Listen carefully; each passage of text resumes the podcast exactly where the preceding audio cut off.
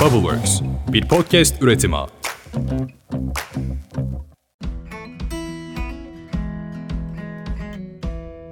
Herkese selam. Ditopik Düşüncelerin yeni bölümüne hoş geldiniz. Ben Dilara. Bu haftaki konumuz geçtiğimiz hafta sonu gezdiğim sergide gördüğüm bir detaydan ilham alarak oluştu. Aslında uzun zamandır bildiğim bir konuydu ama çok fazla teknoloji tasarım haberlerini takip etmiyorsanız görmemiş, duymamış olabilirsiniz. Ben de dedim ki neden bu konudan bahsetmiyorum? O yüzden konumuz böyle şekillendi. Ama önce sizlerin merak ettiği ve benim de böyle detaylı bir açıklama yapmadığım, anlatmadığım bir şeyden bahsedeceğim. Bana bir süre önce zaten Instagram'dan da sordunuz. Bazılarınıza dönüş yapabildim, bazılarınıza zaten Reel'ını hazırladığım için cevap vermiş gibi oldum ama bir de podcast'te bundan bahsedelim.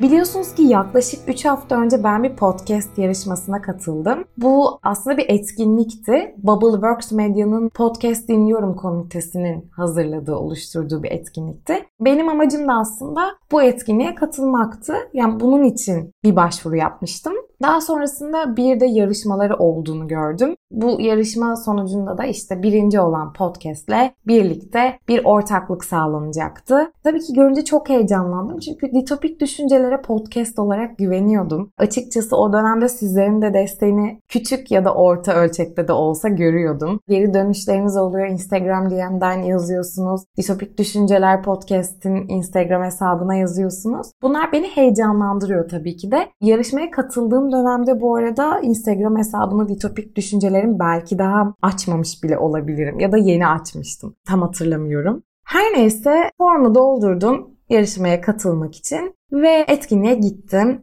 Etkinliğe giderken şunu da önceden yaptığımız toplantılardan biliyordum ki yaklaşık 26 kişi katılmış, başvurmuş. 6 kişi sadece yarışmaya katılmak için seçilmiş. Tabii hani bunun da mutluluğuyla gidiyorsunuz e, etkinliğe ve yarışmaya. Açıkçası çok heyecanlandım çok da heyecanlanacak biri de değilim. Yani bizim mesleki getirilerimizden dolayı çok fazla jüri karşısına çıkıp projelerimizi sunduğumuz için ve bu projeler çok fazla eleştiri aldığı için hatta daha da ileri gideyim bu eleştiriler çok e, yüksek eleştirilerde olabildiği gibi yani mimarlıkta bu eleştirilerden sonra çok fazla insan ağlar, ağlayacak şekilde iner sunumundan. Yani ben bu sunumları çok iyi olan biri olarak zaten bu tarz durumlarla iyi baş edebilen biri olarak o gün çok fazla heyecanlanmama bir tık üzüldüm ve sinirlendim. Dedim ki Dilara neden yani? Sen bu konuda iyisin. Çoğu projemde çok iyi sunduğum için zaten iyi hale de getirmişimdir. Ve hani bu konuda da aslında iyi olduğum bilinir. O yüzden yakınlarım, arkadaşlarım falan gitmeden önce Dilara bence çok iyi geçecek dediler. Çünkü hiç heyecanlanmayacağımı düşündük. Hepimiz ben de öyle düşünmüştüm. Ama içeri girdim. Etkinlik başlayacaktı ve kalabalığı gördüm. O kalabalığı görünce dedim ki eyvah yani çok kalabalık. Her neyse çok güzel bir etkinlikti. E, çok uzun zamandır çok severek takip ettiğim Aposta'dan Wiser Medya'ya çok güzel oluşumları izleme, onların oturumlarını izleyebilme, dinleyebilme şansı yakalamak Başta zaten çok güzeldi. Bunun sonrasında da Podcast Elevator Pitch yarışmasına katılarak ditopik düşünceleri anlatmak aslında benim için çok güzel bir olaydı. Mayıs ayında kurumsal hayatı bırakırken, freelance çalışmaya geçerken aklımda podcast yapma gibi bir düşünce vardı ama o an ben Bubbleworks Media'nın podcast dinliyorum komitesinin bu hazırladığı etkinlikte bir anda oturduğum basamakta şunları düşündüm. Ya sonunda yani olmak istediğim yerdeyim. Hafta içi bir saatte olmak istediğim bir yerdeyim. Bundan yaklaşık 6 ay önce sıkışmış bir halde yöneticilerimle kurumsal hayatı nasıl sonlandıracağımı konuşacağım. O konuşmayı düşünüyordum ve çok stresliydim ve çok korkuyordum. Çünkü ne olursa olsun şartlarını sevmeseniz de düzenli bir aylık geliriniz var. Ama bir yandan yapmak istediğim çok fazla şey var. Hayata geçirmek istediğim başka projelerim var. Bir yandan freelance işlerime güveniyorum bir yandan güvenmiyorum falan derken o buhranımdan bugünlere gelmek benim için çok büyük bir ilerleme belki sizin için oturduğunuz yerden bana şey diyor olabilirsiniz. Yani aynen Dilara öyledir. Herkesin de yapabileceği bir şey değil elbette. Ama o gün orada bunları düşünmek benim için çok özeldi, çok güzeldi. Ve sonrasında yarışmaya katıldım. Açıkçası konuşmama çok güveniyordum. Çünkü çok güzel bir kurgu yazdığıma inanıyordum. Eğer beni Instagram'dan takip ediyorsanız, Dilara Sengul isimli Instagram hesabımı takip ediyorsanız, Reel'ımı izlemişsinizdir. İzlemediyseniz de lütfen bu podcast'i dinledikten sonra mutlaka hesabıma girip bakın. Aslında benim için özel bir Reel oldu. Ve orada konuşmamdan bahsediyorum. Her ne kadar çok heyecanlanmış olsam da aslında kurgusu benim için çok tatlı olan bir konuşmaydı. Bu konuşmanın sadece şu an başından bahsedeceğim. O dönem yurt dışındaydım. Bir yurt dışı seyahatim vardı ve bu yarışma da Podcast Elevator Pitch yarışması da hemen dönüşümden bir gün sonraydı. Yani benim sadece bir gece vardı konuşmamı yazmak ve çalışmak için. Uçaktan indik annemle telefonda konuşuyordum. Ya bu arada ben de bir yarışmaya katılacağım yarın falan dedim. Annemi de belki beni takip ediyorsanız biliyorsunuzdur. Böyle Instagram hesabı çok aktif olan biri. Ya aslında kimin kızı olduğum çok belli olan biri. Neyse bana şöyle bir şey söyledi. Ya çok heyecanlıyım dedim anneme. O da dedi ki niye heyecanlanıyorsun ya dedi. Sen dedi 5 yaşında gelip bana lütfen içerideki misafirlere gidip çok iyi hikaye anlattığımı, şarkı söylediğimi söyler misin diyen çocuktun. O çocuk nasıl bu kadar heyecanlanıp ne anlatacağım diye korkabilir dedi. Sonra dedim ki bir dakika ya ben niye bunu kullanmıyorum? Çoğu kişi de bana yarışma sonrasında Instagram'dan yazdı ne güzel kurgu ama falan diye. Arkadaşlar gerçekten kurgu falan değil. Gerçek. Ve ben bu gerçeği neden konuşmamda kullanmıyorum dedim. Ve dedim ki konuşmam şöyle başlasın. Yaklaşık 5 yaşlarında misafirlikteyken annemi ev sahibinin mutfağına çekip anne lütfen içeridekilere Dilara çok güzel hikaye anlatır der misin? Annem de tabii ki de hayır Dilara böyle bir şey söylemeyeceğim demiş. Ve işte tekrar gitmiş gelmiş anne lütfen ya lütfen söyle demişim. Annem de hayır Dilara söylemeyeceğim demiş. En sonunda ben kendim gitmişim salona ve misafirlere demişim ki ya iki dakikanızı bana ayırır mısınız? Ben çok güzel hikaye anlatırım da demişim. İlk annem bana anlattığında ne kadar cringe bir olay ya. Hani rezillik hoş değil falan diye düşünmüştüm. Hatta kim bilir annemle babam ne kadar utanmışlardır, gülmüştür insanlar bana gibi düşüncelere kapılmıştım. Fakat aslında bunun benim kişiliğimde ne kadar değerli bir durum olduğunu bu yarışmaya katılırken, konuşmamı hazırlarken tekrar anladım. Aslında çocukluğumuza gösterdiğimiz hiçbir şey, hiçbir hareket, hiçbir davranış tesadüfi değil bugünkü karakterlerimizin oluşmasında. Yarışmada bu detayla başlayıp yüzlerde gülümsemeler görünce çok mutlu oldum. Çünkü insanlardaki o sıcak tebessüm bende biraz daha rahatlama yarattı. Ve yaklaşık iki buçuk dakikalık konuşmamın sonunda arkada da böyle canlı bir oylama vardı. Onu bilmek de tabii sizi heyecanlandırıyor. Bunun sonunda kazandım. Bunu kazanma hissi tabii ki de ditopik düşüncelere olan bağımı, ona olan inancımı, kendime olan inancımı çok güzel bir şekilde etkiledi diyebilirim. Sizler de bunun sonunda ne olduğunu bana soruyordunuz. Instagram'dan gerçekten bunu çok sordunuz. Şöyle anlatabilirim artık Bubbleworks Media ile birlikte yol alacağız. Artık ditopik düşüncelere onlar destek oluyor olacak. Yani bunu düşünmek bile benim için çok güzel. Çünkü bu yarışmayı kazandıktan sonra Haziran ayının başlarında arkadaşlarımla güzel bir öğleden sonrasında güzel bir sofrada podcast'ime isim bulmayı düşündüğümüz o anı hatırladım kadehlerimizi kaldırırken seçtiğimiz 5 tane podcast ismine kadeh kaldırırken konunun buralara geleceğini elbette ki tahmin edemiyordum. Ve tabii ki bu benim için çok değerli bir şey. İyi ki Bubbleworks Medya'nın bu etkinliğini görmüşüm. İyi ki Podcast Elevator Pitch yarışmasına katılmışım. Ve iyi ki bu konuşmayı yazmışım. Bundan sonra Bubbleworks Medya ile birlikte bir ortaklıkla ilerliyoruz diyebilirim. Ditopik düşüncelere de onların desteği olacak güzel bir birliktelik başlıyor bence. Böylelikle bu serüvenimi de size anlatmış oldum en içten duygularımla. Gelelim konumuza. Bu cumartesi Talha'ya dedim ki bu arada beni takip edenler Talha isminin kim olduğunu biliyorlar. Sadece bir kere söyleyeceğim. Kendisi eşim. Çok fazla eşim, karı, koca bu tarz tabirleri kullanmadığımız için bir kere söyleyeceğim. Anlarsınız diye konuşmanın başında. Talha'ya dedim ki ya bugün şöyle bir sergi eğitimi patlatsak. Şimdi bunu söylüyorum çünkü benimle çok fazla sergi gezmeyi seviyor tabii ki de ama yani böyle İstanbul'un o hafta sonu kargaşasının içinde bir de böyle kalabalık düzenli bir sergi gezmeyi sevmiyor. E, biliyorsunuz ki bu hafta sonunda Artwix'in son günü bu hafta sonu olan pazar günü 13 Kasım. Dedim ki şimdi Artwix'e gidersek çok bunalacağız, çok kalabalık olacak, çok da romantik bir sergi date'i olmayacak. O zaman dedim hadi gel Beşiktaş'a Feriye Palas'a gidelim. Peki neden Feriye Palas'a gittik? Feriye Palas'ta hangi sergi var? Hemen bundan da bahsedelim. Şimdi aslında sergi Feriye Palas'ın tam olarak içinde değil hemen arkasında Voi Feriye var. Kahvenizi yudumlamak için eğer buraya uğruyorsanız aslında bu noktayı tam olarak biliyorsunuzdur. Ama biz çok fazla buralara kahve içmeye gelmiyoruz. Daha çok ya bir şeyler yemeye ya da sergi gezmeye geliyoruz. O yüzden Voi Feriye ile ilk defa karşılaştık.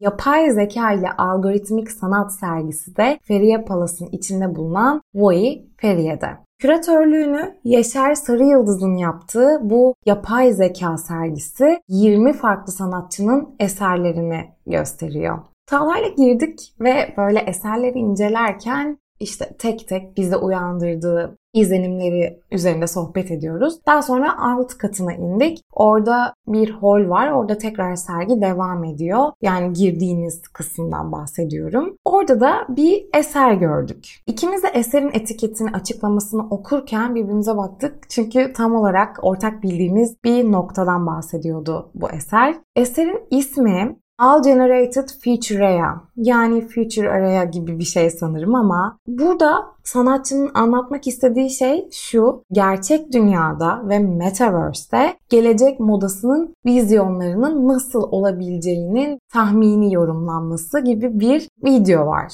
İki farklı robotik, fütüristik bir beden görüyorsunuz ve bu iki farklı bedende de gerçekten o feature fashion'ın etkileri var. Ama bizi videodan daha çok o etiketteki kelime çekti olaya. İlk gördüğümde bu videonun nasıl oluşturulduğunu hemen anladım. Çünkü zaten ben bu yapay zeka motorunu daha önce kullanmıştım. Ve Talha gerçekten inanılmaz bizi etkileyen bir şey bu. Bu video DALI ile oluşturulmuştu. Şimdi DALI'yi belki biliyorsanız çok fazla haberlere konu oldu aslında teknoloji tasarım haberlerine. Bir de Barış Özcan videosunu yaptı. Çok oluyor mu? Yani bir 2-3 ay oluyor olabilir ben o videoyu izleyeli ama açıkçası bu bölümü yaparken etkilenirim diye videoyu tekrar açıp izlemedim. O yüzden sadece o zamanlardan hatırladığım kadarıyla videoyu biliyorum. Dediğim gibi videoyu izlemediğim için kullandığım kaynaklar arasında değil video. Ama mutlaka bence bu podcast'i dinledikten sonra Barış Özyan'ın da Dali'yi anlattığı videosuna bakın. Şimdi tekrar esere dönüyorum. Eserde söylediğim gibi bu gelecek modasının vizyonlarının tahmini bir uyarlaması yapılmıştı eserde ve video tekniğiyle robotik ve fütüristik iki beden görüyorsunuz dedim. Eserin sahibi Vira DG isimli bir Ukraynalı sanatçı. Eğer kendisinin Instagram hesabına bakmak isterseniz Instagram adı da Vera Verze. Vira DG isimli sanatçımızın bu eseri Brave Ukraine etiketi title'ı diyebiliriz. Altında güçlü sarı ve mavi renklere sahip bir formda düzenlenmiş. Ukraynalılar olarak geleceğimizi ulusal renklerimiz olarak parlak ve bağımsız görüyoruz diyor sanatçı. Ve e, Ukrayna'nın bir devlet olarak var olduğu gerçeği için şimdiki şiddetli bir mücadeleden de burada bahsetmek istiyor. Tabii ki bu eserlerin hepsi bir NFT koleksiyon ve artık siz de çokça sergilerde bu NFT koleksiyonların sergilendiğini görüyorsunuzdur. Çünkü artık dönem biraz daha evriliyor. Artık hani o fiziksel tablolardan, heykellerden, eserlerden biraz daha NFT eserlere evrildiğimizi çok rahatlıkla gözlemleyebilirsiniz. Hatta geçtiğimiz dönemde yanlış hatırlamıyorsam Nisan ayında Akbank Sanat'ta sadece NFT eserlerden oluşan bir sergi gerçekleşti. Yani artık bunlara doğru evriliyoruz. Feriye Palas'taki bu yapay zeka ile algoritmik sanat sergisi de tamamen NFT eserlerden oluşmuş bir sergi. Şimdi burada tekrar eserimize dönelim. Bira DJ isimli sanatçımızın All Generated Futuria isimli eserine dönelim. Bu eseri DALI-'den yaptıklarını nereden anladım? Çünkü daha önce de bu yapay zeka motorunu kullandığımda şimdi ne olduğundan da bahsedeceğim size. Oradaki oluşturulan yüzleri işte o tam olarak oluşturulamayan yüzleri çok net bir şekilde gözlemlemiştim. Hatta ben bunu kullanamam ya çalışmalarımda falan demiştim. Ama bal gibi de kullanılıyormuş. Hatta çok da güzel bir eser olmuş. Bunu gördüm. Şimdi Dali'den bahsetmeden önce size birkaç yıl önce düşündüğüm bir projeden bahsedeceğim. Sonra işin nasıl Dali'ye dokunduğunu gelelim. Ben yaklaşık böyle birkaç yıl önce daha doğrusu ilk mezun olduğum zamanlarda böyle bir e, hikaye bülteni tarzında bir şeyler oluşturmak istiyordum. İşte bir web sitesi açarım kendime. Oradan da bir hikaye yazarım ama bunu mimarlıkla da birleştirmeye çalışırım diyordum. Şimdi artık bu fikrin bir orijinalliğinin kalmadığını düşündüğüm için her şeyini anlatıyorum.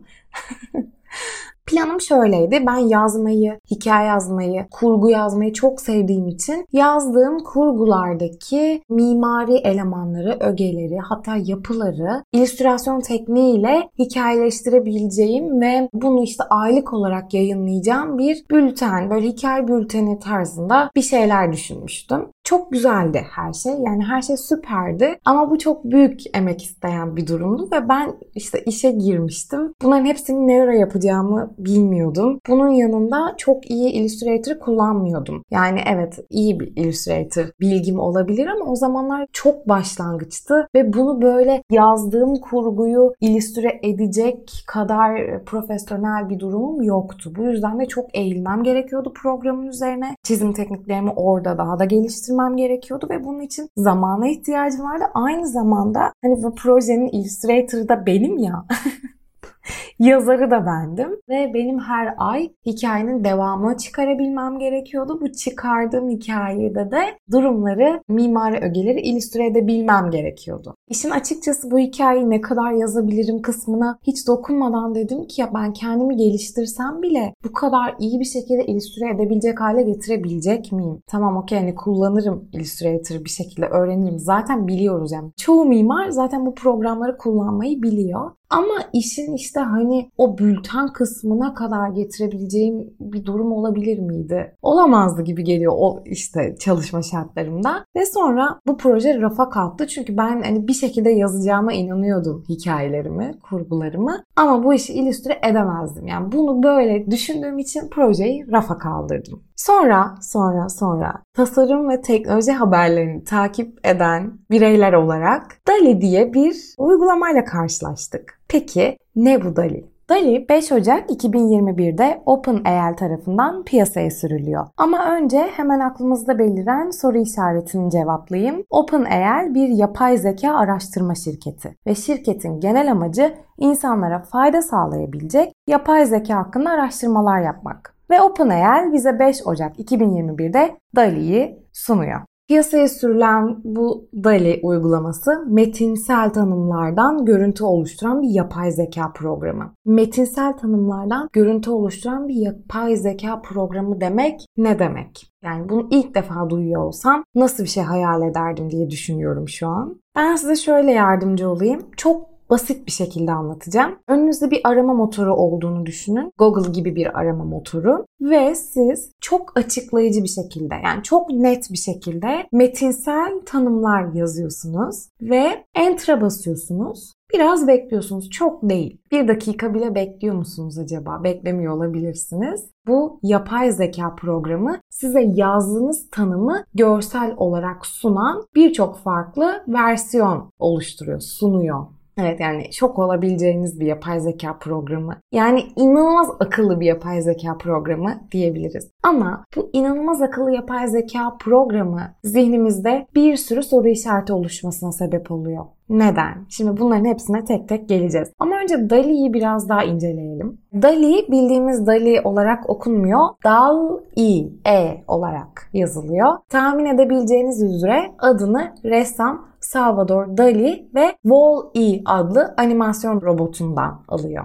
Yani bu Salvador Dali ve Wall-E'nin birleşimi olan Dali bize aslında isminden gelen metaforik anlatımla da aslında ne yaptığını bize çok iyi anlatıyor. Burada bahsetmeden edemeyeceğim. Bu isim seçiminde tamam Wall-E animasyon robotunun adı ama Salvador Dali'nin seçilmesinin bence elbette bir nedeni var. Yani bu tesadüfi olarak seçilmiş bir ressam değil bence. İşte soyadı çok uyuyor Wall-E'ye, onu Dal-E yapalım diye seçilmiş bir ressam değil kesinlikle. Bir kere Salvador Dali dünyanın en bilinen sürrealist ressamı. Bu sürrealistlik bize tüm dünyanın kabul ettiği bir gerçekliği sunuyor. Salvador Dali markasını. Yani aslında Salvador Dali bunu yaşarken de bize gösteriyor. Şöyle bir şey söylüyor. Sürrealizm benim. Sürrealizm benim diyecek kadar bu konuda zaten emin. Eğer biliyorsanız şöyle Salvador Dali eserlerini gözünüzün önüne getirin. Bilmiyorsanız yine diğer podcastlerimde de söylediğim gibi lütfen Google amcaya başvurun ve Salvador Dali eserleri yazın. Eserlerde aslında çok rahatlıkla şunu görebilirsiniz. Bize Dali'nin sunduğu sürrealist kompozisyonları sunuyor Salvador Dali. Hatta bir haberde şöyle bir şey okudum. Din adamlarına göre soytarı, sanat eserlerine göre rüyalarını tablolarına yansıtan bir deha. Şimdi böyle bir uçurumdaki bir ressam elbette ki bu işin isim ilhamı olacak. Salvador Dali zamanın akıp gittiğini eriyen saatlerle, akan saatlerle anlatan sürrealist bir ressamken elbette ondan başkası bu ismin içinde yer almayacaktı bence.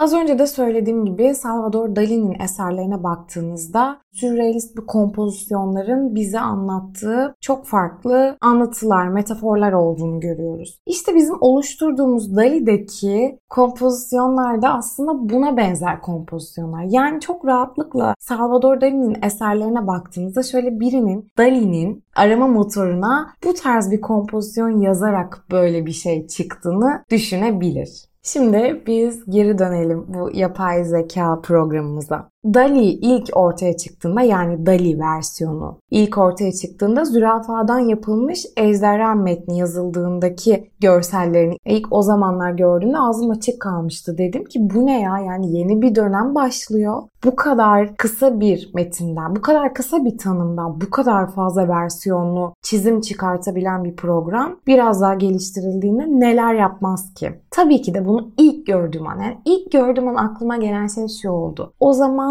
ressamlık, illustrator mesleği, çizim yapan insanların değeri nerede kaldı yani? Nereye gidiyor bu işin sonu? Elbette aklıma gelen ilk şey buydu. Bu insanlar işsiz mi kalacak? Ya bence bu çok hani basit bir soru. Bunun daha derinine inilmesi gerekiyor. Hiçbir mesleğin havada kalacağına inanmıyorum. Yani elbette vadesi de olabilir belki bazı mesleklerin ama sanatla ilgilenen hiçbir mesleğin evrilmeden öylece durup yok olabileceğine ben inanmıyorum. Ya da inanmak istemiyorum, bilmiyorum. Söylediğim gibi bu zürafadan yapılmış ejderha ilk versiyonuydu Dali'nin. Daha sonra Nisan 2022'de OpenAI çıktıdaki görselde basit değişiklikler yapılmasına olanak sağlayan düzenleyiciyle metin açıklamalarından daha gerçekçi görüntüler üretebileceğini iddia etti. Ve DALI 2'yi duyurdu. Şimdi DALI 2'yi duyurmasıyla birlikte benim gibi işte mimar olan, ressam olan, çizer olan, karikatürist olan, illüstrasyonlar yapan insanlar için tekrar böyle büyük bir soru ve karmaşa zihin zihinlerimizde doğurdu. Çünkü yani bu sürekli gelişiyor ve bu nereye gidecek? Daha iyi hale geliyor. Ve işte biraz daha haberi takip ettiğimizde duyuru itibariyle yazılımın hala yapım aşamasında olduğu ve işte erişimin önceden seçilmiş beta kullanıcılarıyla sınırlı olacağı açıklandı. Modelin hiçbir insanın yapamayacağı hatalar da dahil olmak üzere hala ciddi hatalar yapabildiği belirtildi. Nisan 2022'de. Ve DALI 2 metin açıklamasından böyle orijinal, gerçekçi görüntüleri olan, sanat değeri taşıyan, kavramları, nitelikleri, tarzı harmanlanmış bir şekilde önümüze sunulan bir model olarak aslında bize tanımlandı. Az önce anlattıklarımı duydunuz değil mi? Yani resmen size Salvador Dali tablosunun nasıl oluştuğunu anlattım. İşte böyle korkunç bir şeyden bahsediyoruz. Yani korkunç kelimesi sadece burada kalsın olur mu? Çünkü korkunç diye bakmamak lazım bu olaya. Ben de sonra sonra bunun üzerinde düşünerek anlamaya çalıştım olayı ve başka bir yere evirdim konuyu. Olaya şöyle bakalım. Cümleleri sanat eserine çeviren yapay zeka programı. Şimdi biz Bir programla karşı karşıyayız. Bu program bize diyor ki sen bana iyi bir tanım yap, iyi bir kurgu yap, orijinal olsun, farklı olsun. Ben sana işte bu orijinalliğin görsel halini sunayım. Şimdi size konuşmanın ortalarında anlattığım projeme geri dönelim. O projeyi rafa kaldırmamdaki neden illüstrasyon kısmını kotaramayacağımı düşünmemde. O zaman Dali olsaydı çok rahatlıkla bu illüstrasyon kısmını çözmüş olacaktım. Şimdi tabii ki şunu söyleyebilirsiniz ya hiç olur mu bir ressamın yaptığı şekilde, düşündüğü şekilde, onun orijinal kurgusu şeklinde, elinin sanatı şeklinde olur mu Dilara? Evet belki olmayabilir ama kısa vadede benim gibi projelerde kesinlikle işinizi görebilecek bir program. Bunu kabul edelim. Bir kere şu cümle bence çok etkileyici. Aklınıza gelen cümlelerle ve dökebildiğiniz ifadelerle bu ifadeleri, cümleleri ve kurguyu görsele dönüştürebilen bir program. Yani teknolojinin ne kadar ilerlediğini düşünmek, bunun içine sanat girebildiğini düşünmek hani böyle size biraz Black Mirror bölümünde gibi hissettiriyor mu? tamam Dilara programı anladık. Şimdi bize DALI'yi nasıl kullanacağımızı anlat derseniz. O kadar basit ki. Dali'nin sitesine giriyorsunuz, üyelik sayfasını açıyorsunuz ve bir kayıt oluşturuyorsunuz. Giriş yaptıktan sonra telefonunuza doğrulama kodu geliyor ve kodu girerek üye oluyorsunuz. Bu kadar. Sonra tek yapmanız gereken ne istediğinizi, fikirlerinizi bu yapay zekanın görsel sanatına bırakmak. Ekranda bir metin çubuğu göreceksiniz. Söylediğim gibi tıpkı Google'ın arama motoru gibi. Buraya tanımınızı yazdıktan sonra biraz bekliyorsunuz. Yani bir dakika bile beklemiyorsunuz. Çok rahatlıkla söyleyebilirim. Saniyeler içerisinde DALI size farklı versiyonlar sunuyor. 5 versiyondan fazlasını sunmuyor sanırım. Ama yani saniyeler içerisinde sizin kompozisyonunuzun 5 farklı versiyonu sunduğunu söylediğimde şok olmuyor musunuz? Ben bunu öğrendiğimde gerçekten şok geçirdim. Bitmiyor sundukları bir de farklı versiyonlarını sunuyor. Yani diyor ki içinden seç.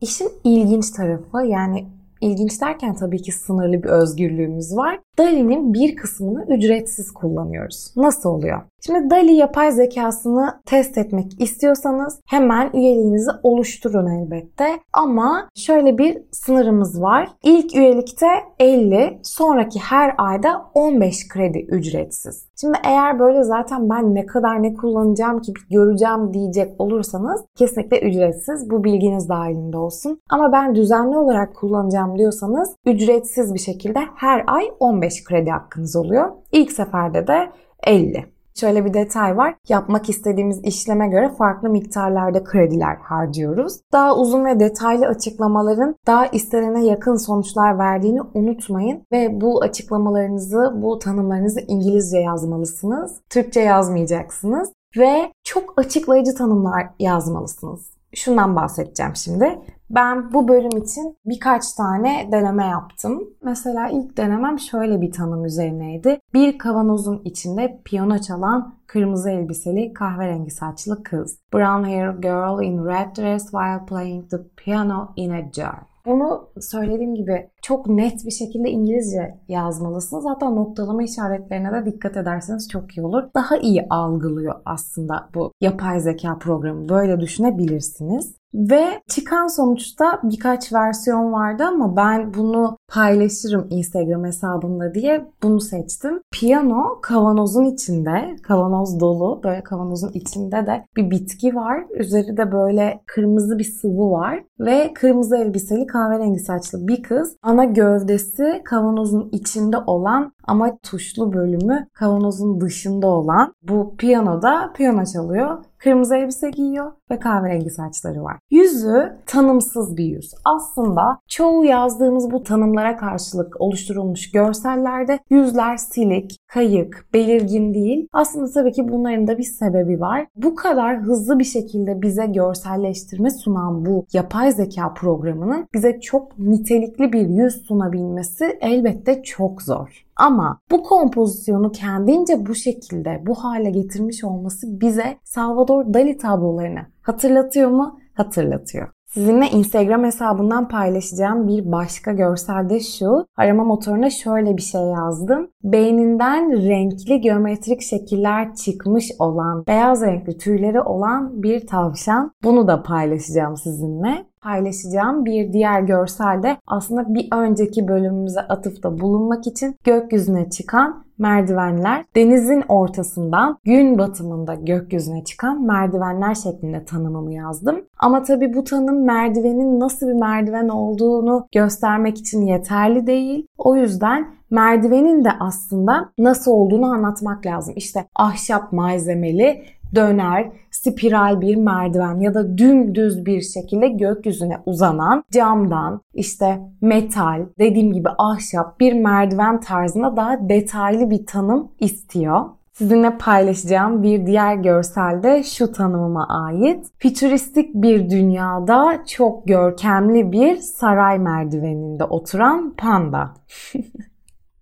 Hatta bu merdivenin ahşap olduğu detayını da ekledim. Biraz böyle yağlı boya tablosu gibi bir görsel çıkardı bana ve çok hoşuma gitti. Bir de aynı kompozisyonun piksel versiyonunu arattım. Bütün bu versiyonları Litopik Düşünceler Podcast Instagram hesabından paylaşacağım. Şimdi gelelim büyük soruya. Yapay zeka bu hale gelmişken gerçek sanat bu mu değil mi kargaşasından, ikileminden nasıl kurtulacağız? Şimdi aslında düşününce bunun çok şaşırılacak bir şey olmadığı sonucuna varabiliriz. Çünkü yapay zeka tabii ki de öncelikle rutin işlerimizi, yaratıcılık geliştirmeyen, işler gerektiren durumları elimizden alacak. Sonra da insanlar bu işlerin kaybıyla ortaya çıkan işsizliği konuşup tartışacaklar ve en sonunda da yapay zeka başka bir alanda beklenmedik bir şekilde ortaya çıkacak ve kreatif işler yapan insan beynine benzer oluşumlar sergileyecek. Şimdi yapay zeka için bu bir görev mi değil mi bilmiyoruz ama ortaya çıkan çıktı, gördüğümüz data kimilerine göre bir sanat,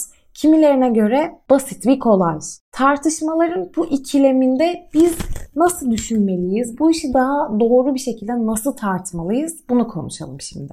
Belki beni dinleyen sanatçılar vardır, grafik tasarımcılar vardır, illüstratörler vardır. Diyecekler ki ya olur mu öyle şey? Mümkün değil. Elbette işin emeğin değeri bambaşkadır. Ama bunun sanat olup olmadığı ikileminde bence çok daha uzun süre konuşacağız. Şimdi tekrar bu yapay zeka programına dönelim. Bu yapay zeka programı verilen kelimeleri alıyor, binlerce farklı şekilde görselleştirebilecekken bu görselleştirmelerden bazılarını seçiyor, bazılarını eliyor. Ve tüm bu anlattığımız, bahsettiğimiz tanımlardaki anahtar sözcükler için farklı seçimler yapıyor farklı varyasyonlar yapıyor. Belki kendi içinde kombinasyonlarını, permütasyonlarını oluşturuyor. Sonrasında bu görselleri yine kendi belirlediği kompozisyonlarda, bağlamlarda anlamlı bir bütün olarak bizim beğenebileceğimiz bir bütün olarak bir araya getirip bizlere sunuyor. İşin mantığını çözmeye çalışırsak yani bu işin matematiği nasıl oluşuyor? Tabii ki de bu yapay zeka programı milyonlarca insanın üretmiş olduğu veriler üzerinden bir üretim yapıyor. Yani onun da bir arşivi var ve bu arşiv üzerinden farklı bağlamlar oluşturabiliyor.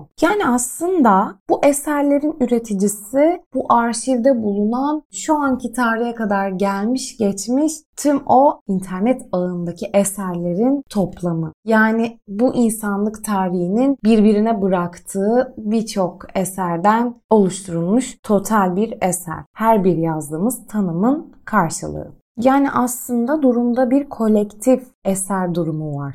Tam bu noktada şunu düşünmek lazım. Bu kolektif eserlik İşin telif gerektiren kısmı mı? İzin gerekir mi? Bu bir arşiv. Bu arşivin izin ve telif noktası ucu açık bir noktaya gitmiyor mu? Bunların önü alınabilir mi? Ben kendi fikrimi söyleyeceğim bu dakikadan sonra. Bence bu dünyaya internet ağına üretmiş olduğumuz ve bu sisteme düşmüş olan eserlerin toplamından oluşan bir arşivin böyle bir dünyada, böyle bir düzende bu yapay zeka teknolojisinde bize sunulmuş haliyle bir telif telif teklif edilmesi bana bir tık ütopik geliyor. Yani bunu artık bu haliyle kabul edip bu halini geliştirerek bu halinde dünyada sanatı var etmeye çalışmak bana çok uzak bir fikir olarak gelmiyor. Şimdi sizler de tanımlarınızı yazıp bu tanımların karşılığında programın ürettiği görsellere baktığınızda göreceksiniz ki çok başlangıç aşamasında olmasına rağmen oldukça etkileyici işler sunuluyor size.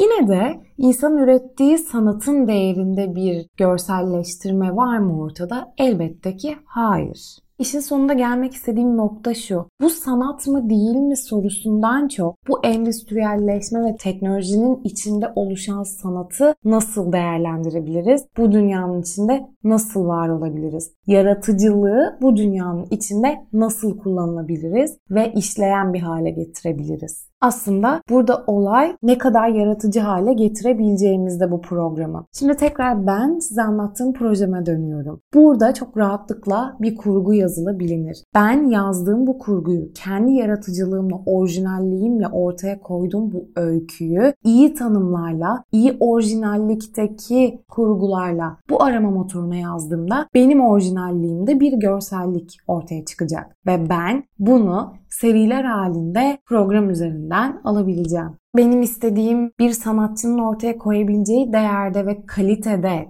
bir görsel mi? Hayır. Durumu anlatıp insanların zihinlerinde yaratıcı birer çizimler ortaya koyabilmek. O zaman benim ihtiyacım olan kısmını çok kısa bir sürede gerçekleştirebiliyor Dali. Peki benim istediğim bu kısa süredeki çizimler, hikaye anlatımları bir sanatçının verdiği kalitedeki değeri verebilir mi? Hayır. Ama zaten istediğimiz bu kalitedeki değerleri hızlı bültenimde yer etmek değildi. Yani aslında bu gelişen dünyada ne istediğimizi, neyi nerelerde kullanabileceğimizi bilirsek daha doğru sorular sorup daha mantıklı ikilemler arasında kalırız. Sanat bu mu değil mi sorularını sormak yerine bu yeni gelişen dünyada ve yapay zeka endüstrisinin içinde yaratıcılığımızı konuşturacak ve bunlardan ürünler üretebilecek neler yapabiliriz? Bence bunu sorgulamalıyız. Sonuçta sanat ögeleri, sanat ürünleri, eserler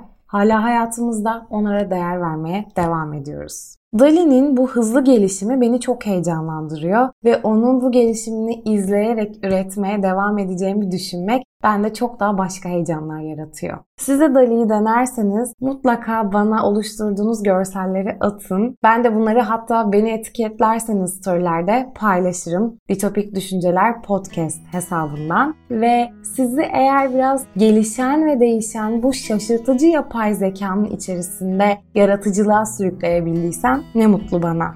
Şimdi sizi bıraktığım fütüristik dünyanın ve hayallerin içerisinde baş başa bırakıyorum kendinizle ve gidiyorum. Bir sonraki bölümde görüşmek üzere. Bay bay.